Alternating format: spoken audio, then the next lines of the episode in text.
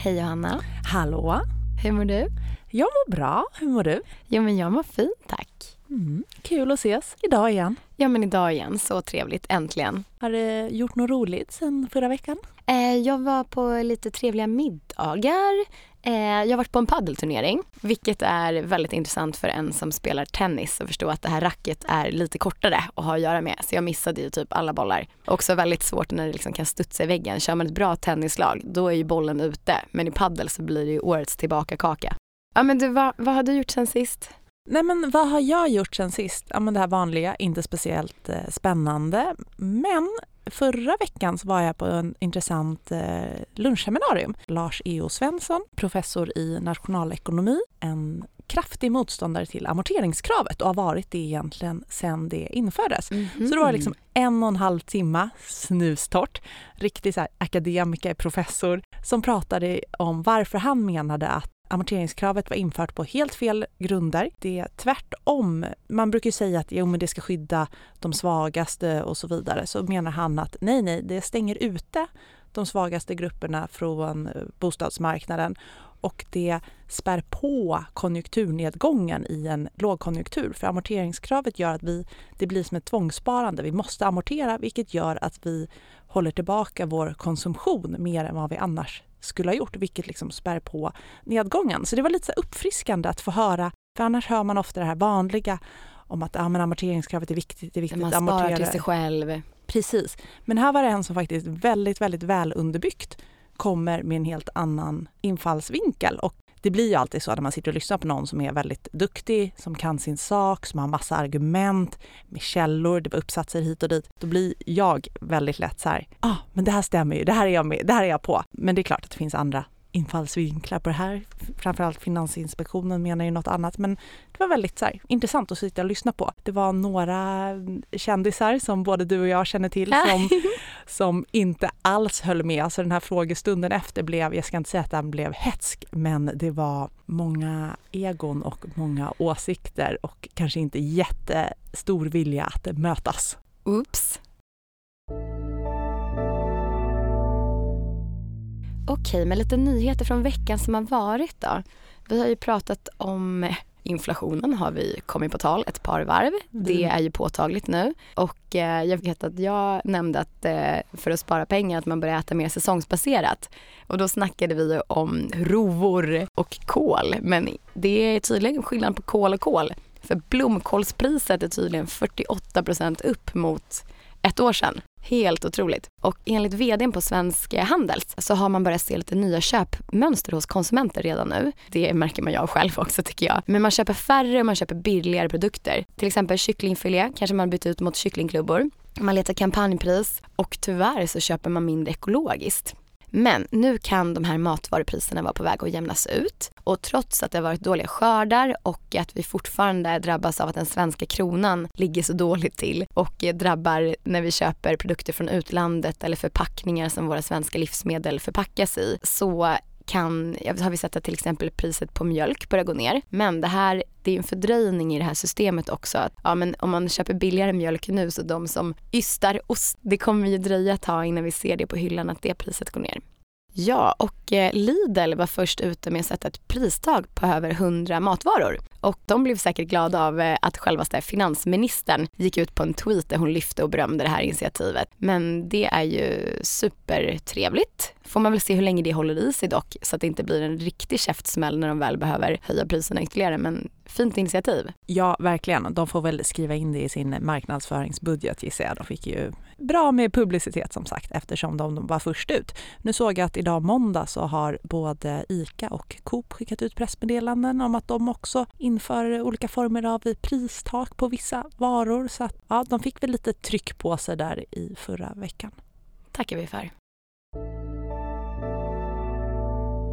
Ja, men vad är det mer som har hänt sen sist? Jo, men den här småputtrande bankkrisen, eller potentiella bankkrisen kanske vi ska säga, har ju fortsatt. Vi pratade ju förra veckan om att det hade liksom förflyttat sig från USA till Europa, till Credit Suisse. Nu har, är det ju även Deutsche Bank som har varit i ropet här. Och det var efter att priset på att försäkra fordringar som man har på Deutsche Bank, efter att det priset eh, sköt i höjden så blev det som en oro på marknaden att herrejösses är Deutsche Bank också riktigt illa ute och på väg att fejla och då eh, rasade ju deras aktiekurs. Sen så var ju såväl Christine Lagarde som Olaf Scholz, Tysklands förbundskansler, ute och försökte liksom gjuta olja på vågorna. Han lyckades väl lite sisådär, eller han lyckades någorlunda, men med en viss felsägning. Ja, att han nämnde att eh, det är inga problem hos Commerzbank. Ja, men om du säger att det, det är så här, som att säga, titta inte hit, vad gör alla då? Nej titta då dit. tittar man dit. Så börjar man undra. Nej men så att det har varit, det har varit lite stökigt på bankmarknaden.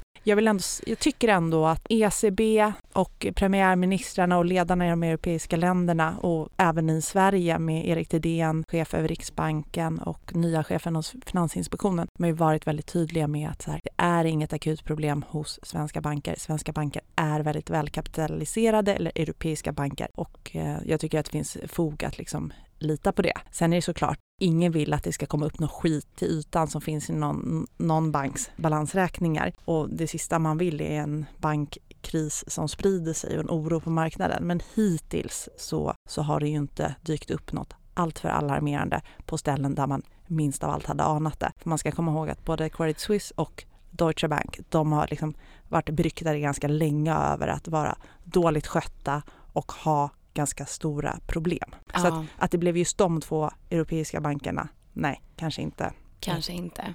Men det jag tänker på också att allting handlar ju precis som med när man köper och handlar aktier. Det handlar om eh, ryktesspridning och sentiment. Är det så att det plötsligt skulle gå något rykte om någon bank och folk får för sig att här kan vi inte ha kvar våra pengar, då går det ju inte att göra så mycket. Nej, det gör, alltså ingen bank klarar väl en, en bankrun och det är ju därför liksom, förtroende är verkligen A och O hos en bank. Jag menar, det är såklart att du vill ha förtroende för ICA om du handlar din mat där, men det är inte liksom... Du har inte, inte ditt hus och hem och din inkomst nej, där? Nej, det är inte, du, kan, du kan gå och handla mat där även om de ty, du tycker att de är rövar eller så. Att du bara, ja, men jag litar inte riktigt på dem. Du kan fortfarande nu är det den butik jag har nära, jag handlar där Exakt. fram tills något annat sker. Eh, så är det ju inte riktigt för en bank. Om du tappar förtroende för din bank, ja men då byter du ju bank och om alla tappar förtroende för en bank, då blir det problem. Och det är därför man har alla de här kraven och regleringarna på banker också för att se till att allmänheten har kvar förtroendet. De är inte få, ska vi säga. Nej, herregud. I sådana här fall så visar det ju varför det är bra. Det ska man ju komma ihåg att i USA, där det här började, då var det ju i de bankerna som är liksom jättebanker med svenska mått mätt, men lite mindre med amerikanska mått mätt. Om vi säger Silicon Valley Bank så var ju det USAs 30 största bank, så fortfarande asstor men inte topdog i USA. Och det var ju Donald Trump som lyfte regleringar på den typen av mer Nischbanker? Ja, eller lite mindre banker. Och nu visar det sig att det kanske inte var en toppen idé att lyfta Nej. regleringar på banker. Det är hårt styrt. Men annars då så såg vi ju förra veckan hur marknadsräntorna föll kraftigt både i Europa och USA. Och vad innebär det? Jo, men det innebär att marknaden, liksom investerare, tror på sämre tider framöver. Man tror inte att centralbankerna kommer kunna höja räntorna i samma takt. Man tror inte att ekonomin kommer vara så särdeles stark kommande år och därför var det kraftigt fallande marknadsräntor. Och, och vad, vad härleds det här ifrån? Jo, men dels så tror man att det kommer vara stramare lånevillkor framöver, att banker inte kommer låna ut i samma takt med anledning av den oro som finns och, och den, de kanske ökade regleringar man kan förvänta sig. Och det är såklart att det skulle dämpa den ekonomiska aktiviteten och man tror också att banker kommer låna ut något mindre i och med att räntan kommer vara högre så att det, det finns liksom inte riktigt eh, samma efterfrågan där. Och det är egentligen det här som centralbankerna vill. De vill ju dämpa ekonomin för att få ner inflationen. Men frågan är om det inte sker nu på ett lite mer okontrollerat sätt när det kommer så många shitstorms från alla möjliga håll. Det är liksom höjda räntor, det är inflation, det är bankkris och så. Ja, men det är lite mycket på samma gång just nu ja, faktiskt. att det blir lite, att det blir ett för stort tapp i den ekonomiska aktiviteten. Och det gör ju också att man inte tror att Fed kommer höja räntorna lika mycket framöver, alltså amerikanska centralbanken, som, som man tidigare trott. För att man tror att ekonomin kommer helt enkelt inte palla det. Den kommer inte palla det utan vi går mot en lågkonjunktur. Det vi såg förra veckan också var ju att Federal Reserve gick ut och höjde räntan med 25 punkter. De har ju lite spann som de jobbar med. Det var nog tur att de gjorde det, för att om de inte hade höjt räntan överhuvudtaget, då hade det tagits som en krissignal. Att så här, oj, oj, oj, det var helt som hugget i sten att de skulle höja räntan. Sen kom den här bankkrisen. Nu höjer de inte överhuvudtaget. Vad vet de egentligen? Vet de att det är väldigt mycket mer kaos än vad de vill säga? Så att det var ju på ett sätt tur att de ändå höjde. Om än att vi kan nog verkligen förvänta oss att även Riksbanken kommer höja här i april. Ja, men det är väl då att de kommer fundera på, det har ju ryktats om 50 punkter men liksom efter informationen om den här krisen tänker de 25 eller inget alls. Mm, vi får se. Det kommer ju ett till eh, inflationsbesked innan dess. Wow. Okej Johanna, vi har fått en fråga på vår Instagram från Emma angående pension och närmare bestämt ITP och eh, valet kring ITP. Och ITP, vad är det då? Det här är en kollektivt upphandlad tjänstepension. Och just ITP, det står för privatanställda tjänstemän.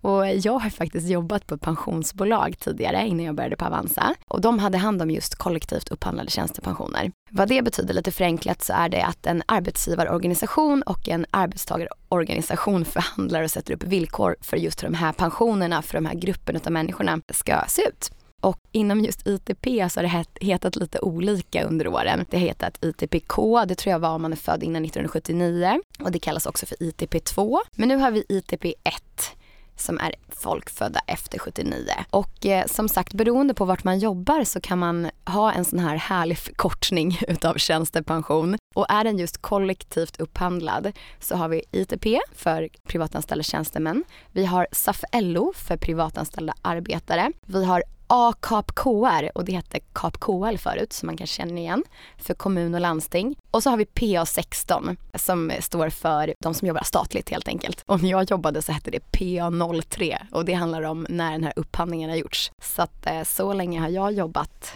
Generellt sett så innebär i vilket fall det här att om man är ansluten till ett kollektivavtal och jobbar så man får en kollektivt upphandlad tjänstepension, då kan man vara säker på att man har bra villkor och att man har en tjänstepension överhuvudtaget. Och eh, man får ett, en viss procent av sin lön avsatt varje månad upp till en viss nivå och då brukar man prata om ett visst antal inkomstbasbelopp.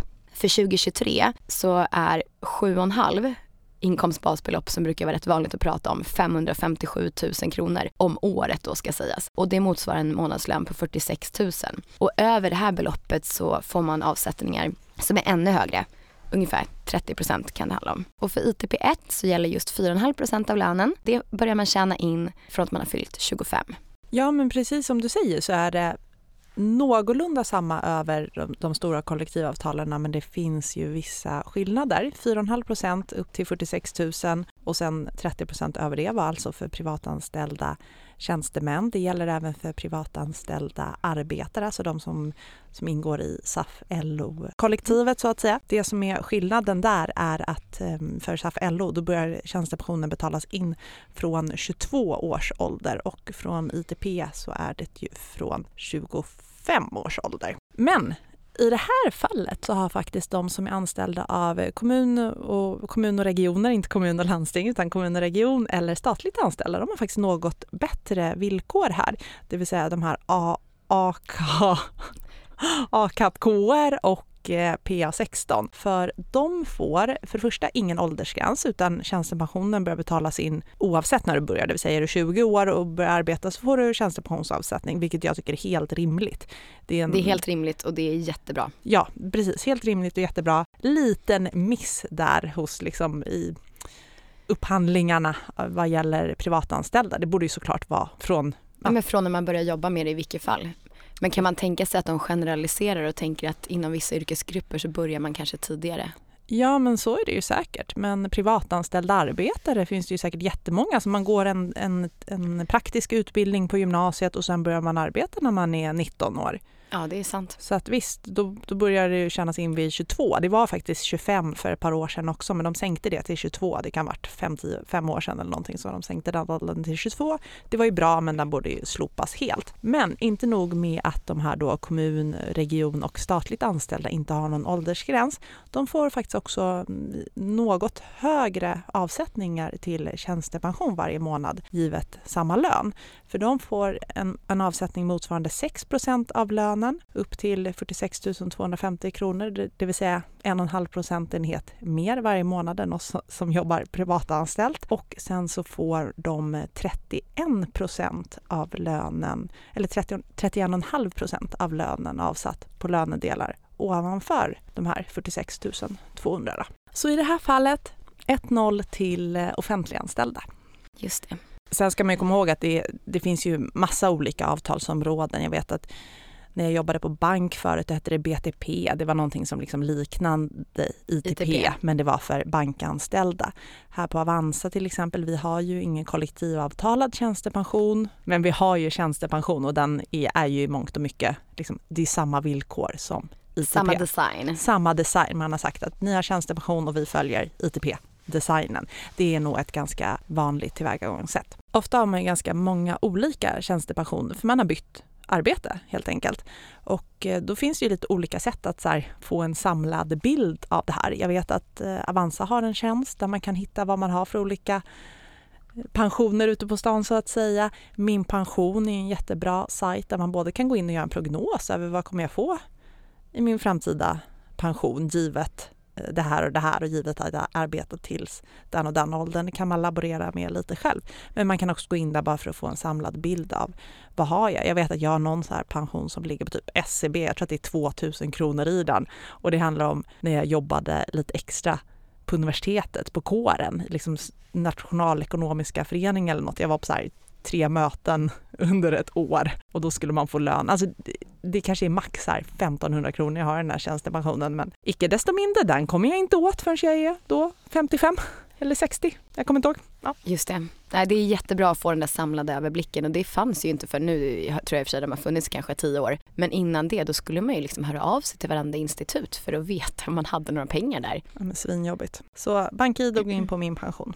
Ja, och om vi nu backar lite igen då. Så man har de här olika avtalspensionsområdena där man har olika villkor beroende på vart man är anställd. Och eh, sen så finns det då inom varje område ett visst antal valbara pensionsbolag som man kan då välja på och ha sin tjänstepension i.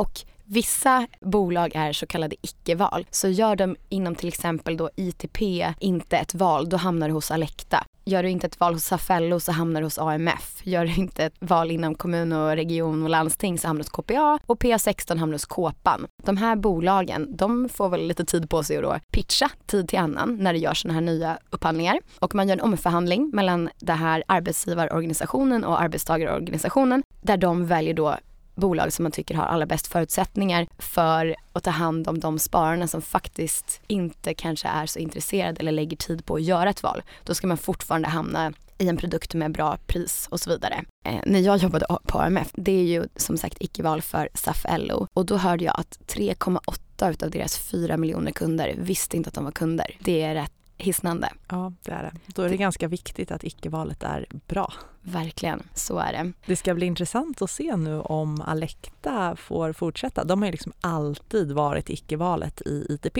Yes. Och eh, jag tror att det var förra veckan, de gör ju så femåriga upphandlingar, vad som, vilka som ska få finnas på deras liksom valbara, valbara mm. bolag. Och förra veckan eh, tog den upphandlingen, eller liksom, den gick ut. Den gick ut. Och det var ju då veckan efter de här katastrofdåliga affärerna som Alecta har gjort i USA uppdagades. Men gud, det är nästan så att man tror att det är någon som har försökt sätta lite käppar i hjulen. Ja, jag menar, alltså sämre timing för Alectas räkning, det, det går nog inte att ha. Så att, um, ja, och de har ju, jag vet inte, jag, jag har ingen insyn i de där förhandlingarna, men det har alltid känts som att Alecta har varit typ självskrivna som icke-valet i ITP. Ja men precis som AMF har varit för Safello. De ja. har liksom haft det sedan tidernas begynnelse och de har också alla, om man får säga inom citationstecken, gamla pengar som inte går att flytta Det finns något som förr i tiden kallades för förmånsbestämd pension eh, kontra premiebestämd. Och den här förmånsbestämda den signalerar på något vis istället ett slutvärde som du är lovad istället för att din månatliga premie som du får är uträknad. Och de pengarna, vad jag vet, går typ inte att flytta innan vissa årtal. Ja, mycket förkortningar och begrepp, många olika avtalsområden. Utöver det olika val av bolag och utöver det så kommer vi också till att inom varenda tjänstepensionsområde så kan du välja mellan en så kallad traditionell försäkring och en fondförsäkring. Och man brukar förkorta en traditionell försäkring som en tradd. Men Johanna, vad har vi på tradd slash fond? Ja men alltså en fondförsäkring är ju väldigt enkelt. Då är det du som, som pensionssparare så att säga som väljer fonder som du vill att ditt kapital ska placeras i. Du har en entrélösning ofta men så kan du välja mellan ett antal bolag och sen i deras fondutbud. Så då får du välja, precis som ett vanligt eh, fondsparande. Men sen så finns ju då den här traditionella försäkringen som du var inne på och då är det pensionsbolaget som förvaltar kapitalet i en traditionell försäkring. De är liksom kapitalförvaltare och de kan investera i fastigheter, de kan investera i infrastruktur, de kan investera i aktier direkt i bolag, typ Alecta, köpa lite amerikanska banker för en viss del av pengarna och så. Men du gör egentligen ingenting som, som pensionssparare. Och tidigare, som du sa, så fanns ju det här att det var, man kunde få förmånsbestämt, det vill säga att du, du vet att du får en viss summa eller en viss andel av din lön den dagen du går i pension. Nu är det snarare liksom mer premiebestämt, att det betalar in de här premierna. Så kan det finnas någon form av garanti, att det ska vara minst den här, den här återbäringen. Det har ju också försvunnit mer och mer. Nu kan det vara att du ska minst få tillbaka ditt insatta belopp, men skulle du inte få det under en 40-årig sparperiod så har det ju varit riktigt urusel förvaltning, så jag vet inte, det är inte så mycket att hänga i granen så att säga. Men så får du också en återbäringsränta då varje år beroende på hur väl det här, den här traditionella försäkringen har förvaltats. Det här går ju såklart att jämföra och jag vill slå ett slag för konsumenternas.se som är, ja, superbra. som är en jättebra sida för att jämföra pensionsförsäkringar helt enkelt.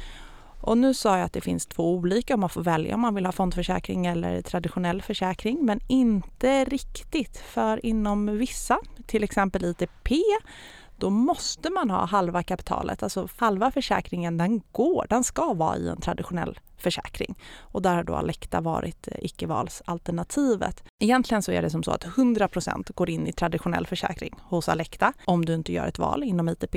Men för 50% så kan du välja att istället investera i en fondförsäkring. Och i ett annat bolag. Och i ett annat bolag, precis. Den traditionella får du också flytta till, till ett annat bolag. Du får flytta båda till andra bolag men 50% måste vara i en traditionell försäkring. Jag är skitstörd på det där. För att jag har alltid känt så här, ja, men jag är ung, får jag fortfarande säga det? Jo då. Jag vill inte ha en traditionell försäkring. Jag vill ha aktieexponering. Jag vill att det här ska investeras 100% i aktier, det vill säga i aktiefonder. Men det valet har man inte riktigt, eller kan man inte göra som privatanställd. Det där är så svårt för jag vet att när jag jobbade på ett pensionsbolag för ja, men tio år sedan då var det ett gäng traditionella försäkringar där ute på marknaden som faktiskt hade väldigt bra avkastning. Och det som man då, eh, som du säger det här med att man inte ska förlora insatt kapital, det är ändå den stora skillnaden mellan fond och tradd. För fond, där är det ju så att det går upp och ner men som vi har predikat om så tar du stor aktieexponering och det ska du ju självklart göra med ett pensionsval där du ska spara så många år. Där kommer det gå upp och ner. Men inom en tradd, där förlorar du inte dina insatta pengar.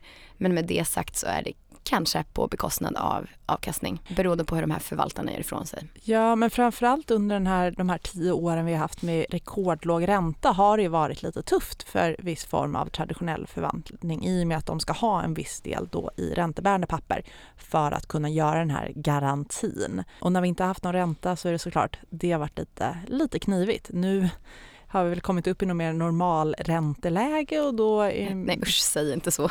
Nej. Men alltså alldeles oavsett, jag personligen vill ha valet och jag skulle alla gånger om jag arbetade inom ITP välja i alla fall att 50% av mina pengar gick till ren och skär aktieexponering, det vill säga i en fondförsäkring med låga avgifter. Nu är ju det i princip alltid det i de upphandlade fondförsäkringarna.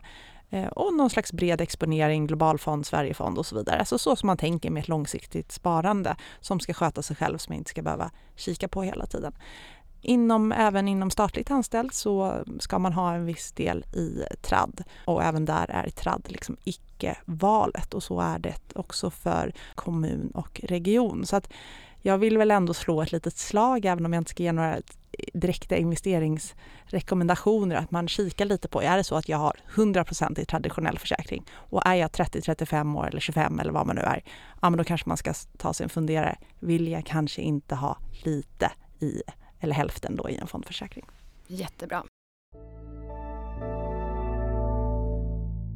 Okej Johanna, sen vill jag inte komplicera ytterligare men det finns ändå ett gäng till bolag man ska hålla koll på och det är de så kallade objektiva valcentralerna. Inom de här respektive avtalsom, avtalspensionsområdena, beroende på vart man jobbar, så har du då de här bolagen som du kan investera i en fond eller en tradd. Men du gör ditt själva val i en valcentral. Jag tror att inom Safello så heter den Fora, ITP, där har vi Collectum. Eh, jag tror att inom ACAP-KR så har två stycken, varav den ena har valt det sköna namnet Valcentralen. The one and only fast inte.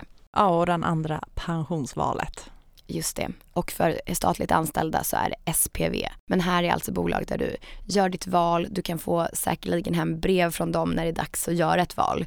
Men det är alltså inte här du har dina pengar utan du gör ett val och sen så från den här valcentralen och sen så placerar, placerar du det då i en tradd eller en fond hos ett pensionsbolag. Japp, och i nästa avsnitt kommer vi ha läxförhör på det här. Men tycker ni att det är trixigt och mycket? Jag vill återigen slå ett slag för minpension.se och konsumenternas.se. Som sagt, världens bästa sida när det kommer till jämförelse av pensionsförsäkringar eller bara läsa på och fatta om du inte tycker att vi var superpedagogiska här. Och det som också kan vara värt att komma ihåg det är att om man är till exempel egenföretagare eller om man är konsult eller så, så har man, har man ingen tjänstepension. Då är det här någonting som man måste se till att styra upp själv för att det är superviktigt. Tjänstepensionen kommer utgöra en väldigt stor del av din totala pension den dagen du går i pension. Vi pratar ofta om vikten av att pensionsspara och så vidare. Tjänstepension är mycket, mycket viktigare. Liksom det viktigaste man kan göra för sin pension är att jobba och betala skatt och ha tjänstepension, vilket 90% av de som arbetar har, antingen via ett kollektivavtal eller att man är hos en arbetsgivare som själv har tecknat en tjänstepensionsförsäkring för sina medarbetare, vilket också är relativt vanligt. Så att, bli inte orolig, förmodligen har du eh, tjänstepension, men har du det inte så time to act. Har man tjänstepension via ett avtalsområde, de här som jag pratade om, ITP, SFL och så, då har man ju flytträtt inom liksom avtalsområdet. Du kan flytta till andra upphandlade bolag. Med de här individuella tjänstepensionsförsäkringarna, det vill säga de som ligger utanför avtalsområdet, där har det varit betydligt eh, trixigare. Och där har det varit, ja men, jag vill ändå säga riktigt fula fiskar som har haft intresse av att begränsa människors möjlighet att flytta sin tjänstepension till den aktören man vill. För det har funnits intressen att folk inte vill, eller folk, bolag ska jag säga, inte riktigt har velat släppa på det de har och inte låta kunderna välja själva utifrån där de tycker att de får bäst förutsättningar och bäst villkor.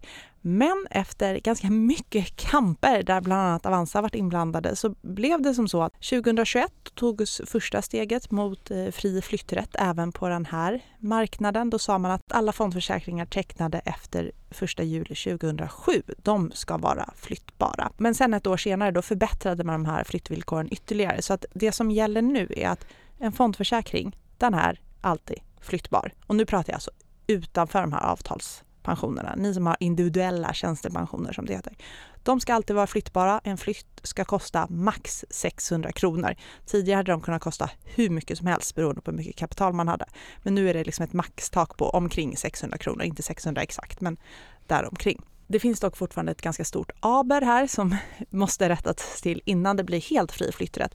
Och det är att det finns fortfarande krav på arbetsgivares underskrift vid flytt. Det vill säga om jag vill flytta en försäkring som tecknades för tio år sedan när jag jobbade på ett helt annat bolag där jag slutat jobba sedan fem år tillbaka och nu vill jag flytta den försäkringen. då måste man leta upp en chef på det här gamla bolaget eller vdn på det gamla bolaget som måste skriva under att jag har rätt att flytta min pension. Det här Wow. är så, ja, det här är så administrativt in absurdum och eh, någonting som bara måste bort. Och jag vet att eh, regeringen har skickat ut en remiss nu så att det, mycket tyder väl på att det här kravet om tidigare arbetsgivares underskrift är på väg att försvinna. Men än så länge är det lite administrativt bökigt. Mysigt. Ja, och eh, för att ha ännu lite fler val kring det här med tjänstepension då, så fick vi också en fråga kring hur man ska tänka på det här med efterlevande skydd eller återbetalningsskydd som det heter på vissa ställen. Och vad är det för någonting och ska man ha det? Jag tycker att det här är en ganska svår fråga. Lite förenklat så betyder då efterlevande skyddet, precis vad det låter som, ett skydd för efterlevande om man skulle gå bort. Den vanligaste formen heter återbetalningsskydd och det innebär att pensionssparandet tillfaller de som är sina förmånstagare ifall man skulle gå bort. Har man inte tecknat det här återbetalningsskyddet då hamnar man istället med en grupp av människor, ett annat kollektiv då, där andra personer som inte heller har tecknat det här återbetalningsskyddet eller efterlevandeskyddet hamnar. Och går någon i det här kollektivet bort, då delas den pensionen upp på alla de spararna. Så det man gör, det är, det är ingen kostnad att ha det här, men du går miste om en extra avkastning.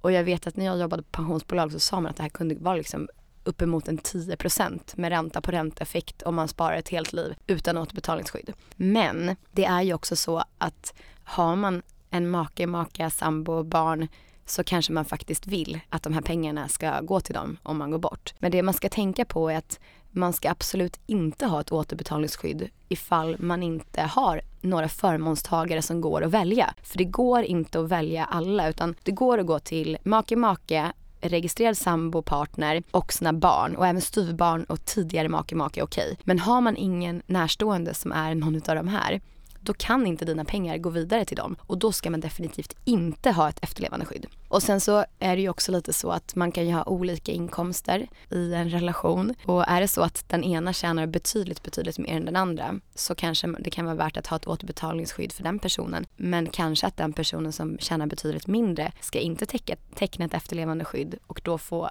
tillgång till en e-, liten extra slant i pensionen. Ja, men visst är det så. Och det man ska tänka på där bara är att så här, nej, det finns absolut ingen anledning att ha återbetalningsskydd om du inte har någon godkänd förmånstagare.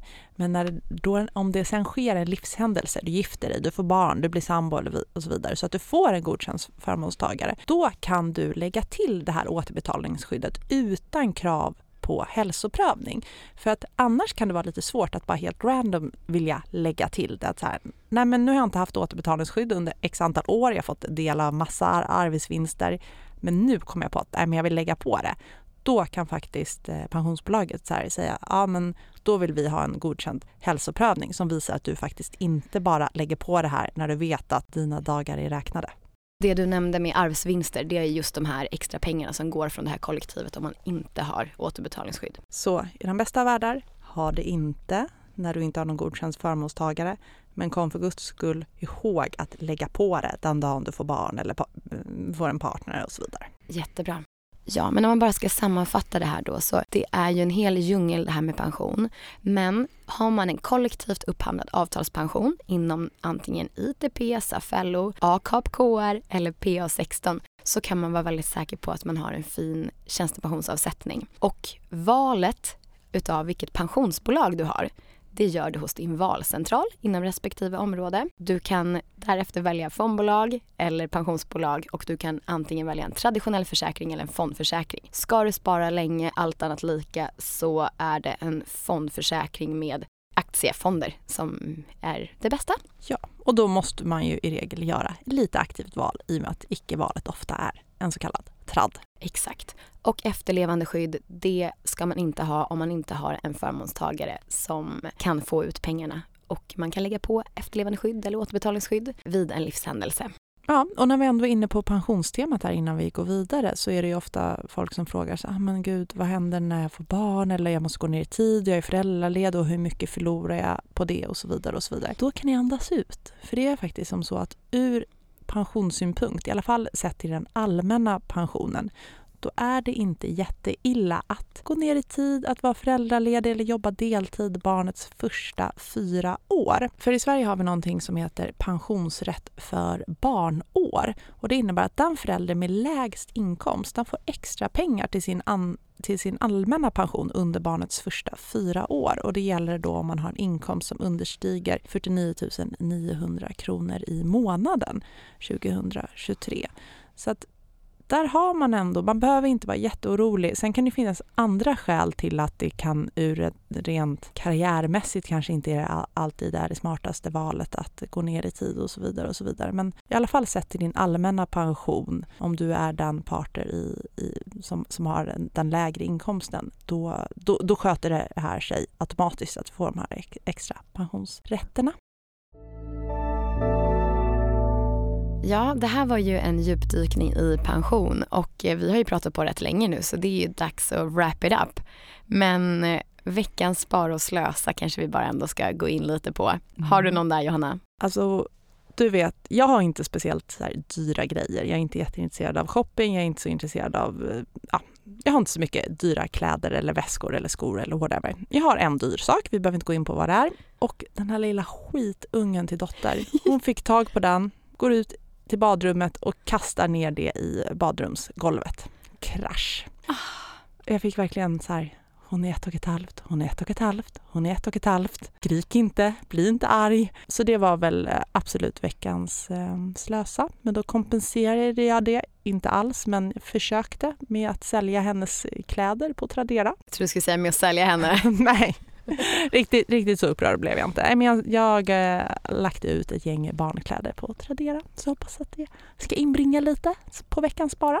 Ja men snyggt. Själv då? Jo, nej, men jag var inne lite på samma och som jag nämnde här om veckan så har jag lämnat in en del kläder på arkivet som finns här i Stockholm i Vasastan och tänkte att jag skulle få tillbaka en liten slant där också och tänka lite cirkulär ekonomi och så vidare. Men bara en fortsättning då på den storyn så var jag inne där i helgen och så tog jag tag i, för man kan också handla där, och jag tog tag i ett tjusigt spetslinne och tänkte, ja ah, men gud den här kanske jag kan unna mig för de här pengarna som, har, som jag fått in nu då. Tills jag inser att det är det jag själv lämnade in för två veckor sedan.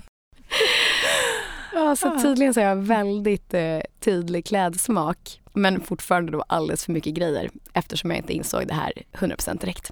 Men, var... men, du köpte det inte? Jag köpte inte tillbaka den av mig själv, nej. Så att jag har ändå sparat all in all. Det har du. Bra jobbat. Ja, Johanna, det här var det stora pensionsavsnittet och jag hoppas ni som lyssnar inte har torkat till 100% utan vill fortsätta att lyssna på oss och hänga med på vår poddresa och hör hemskt gärna av er och ställ frågor och ja, ge tips och input på vad vi kan djupdyka i framöver. Superkul med lyssnarfrågor, det vill vi ha massa. Så vi hörs igen och tack för att ni lyssnade. Tack snälla för idag.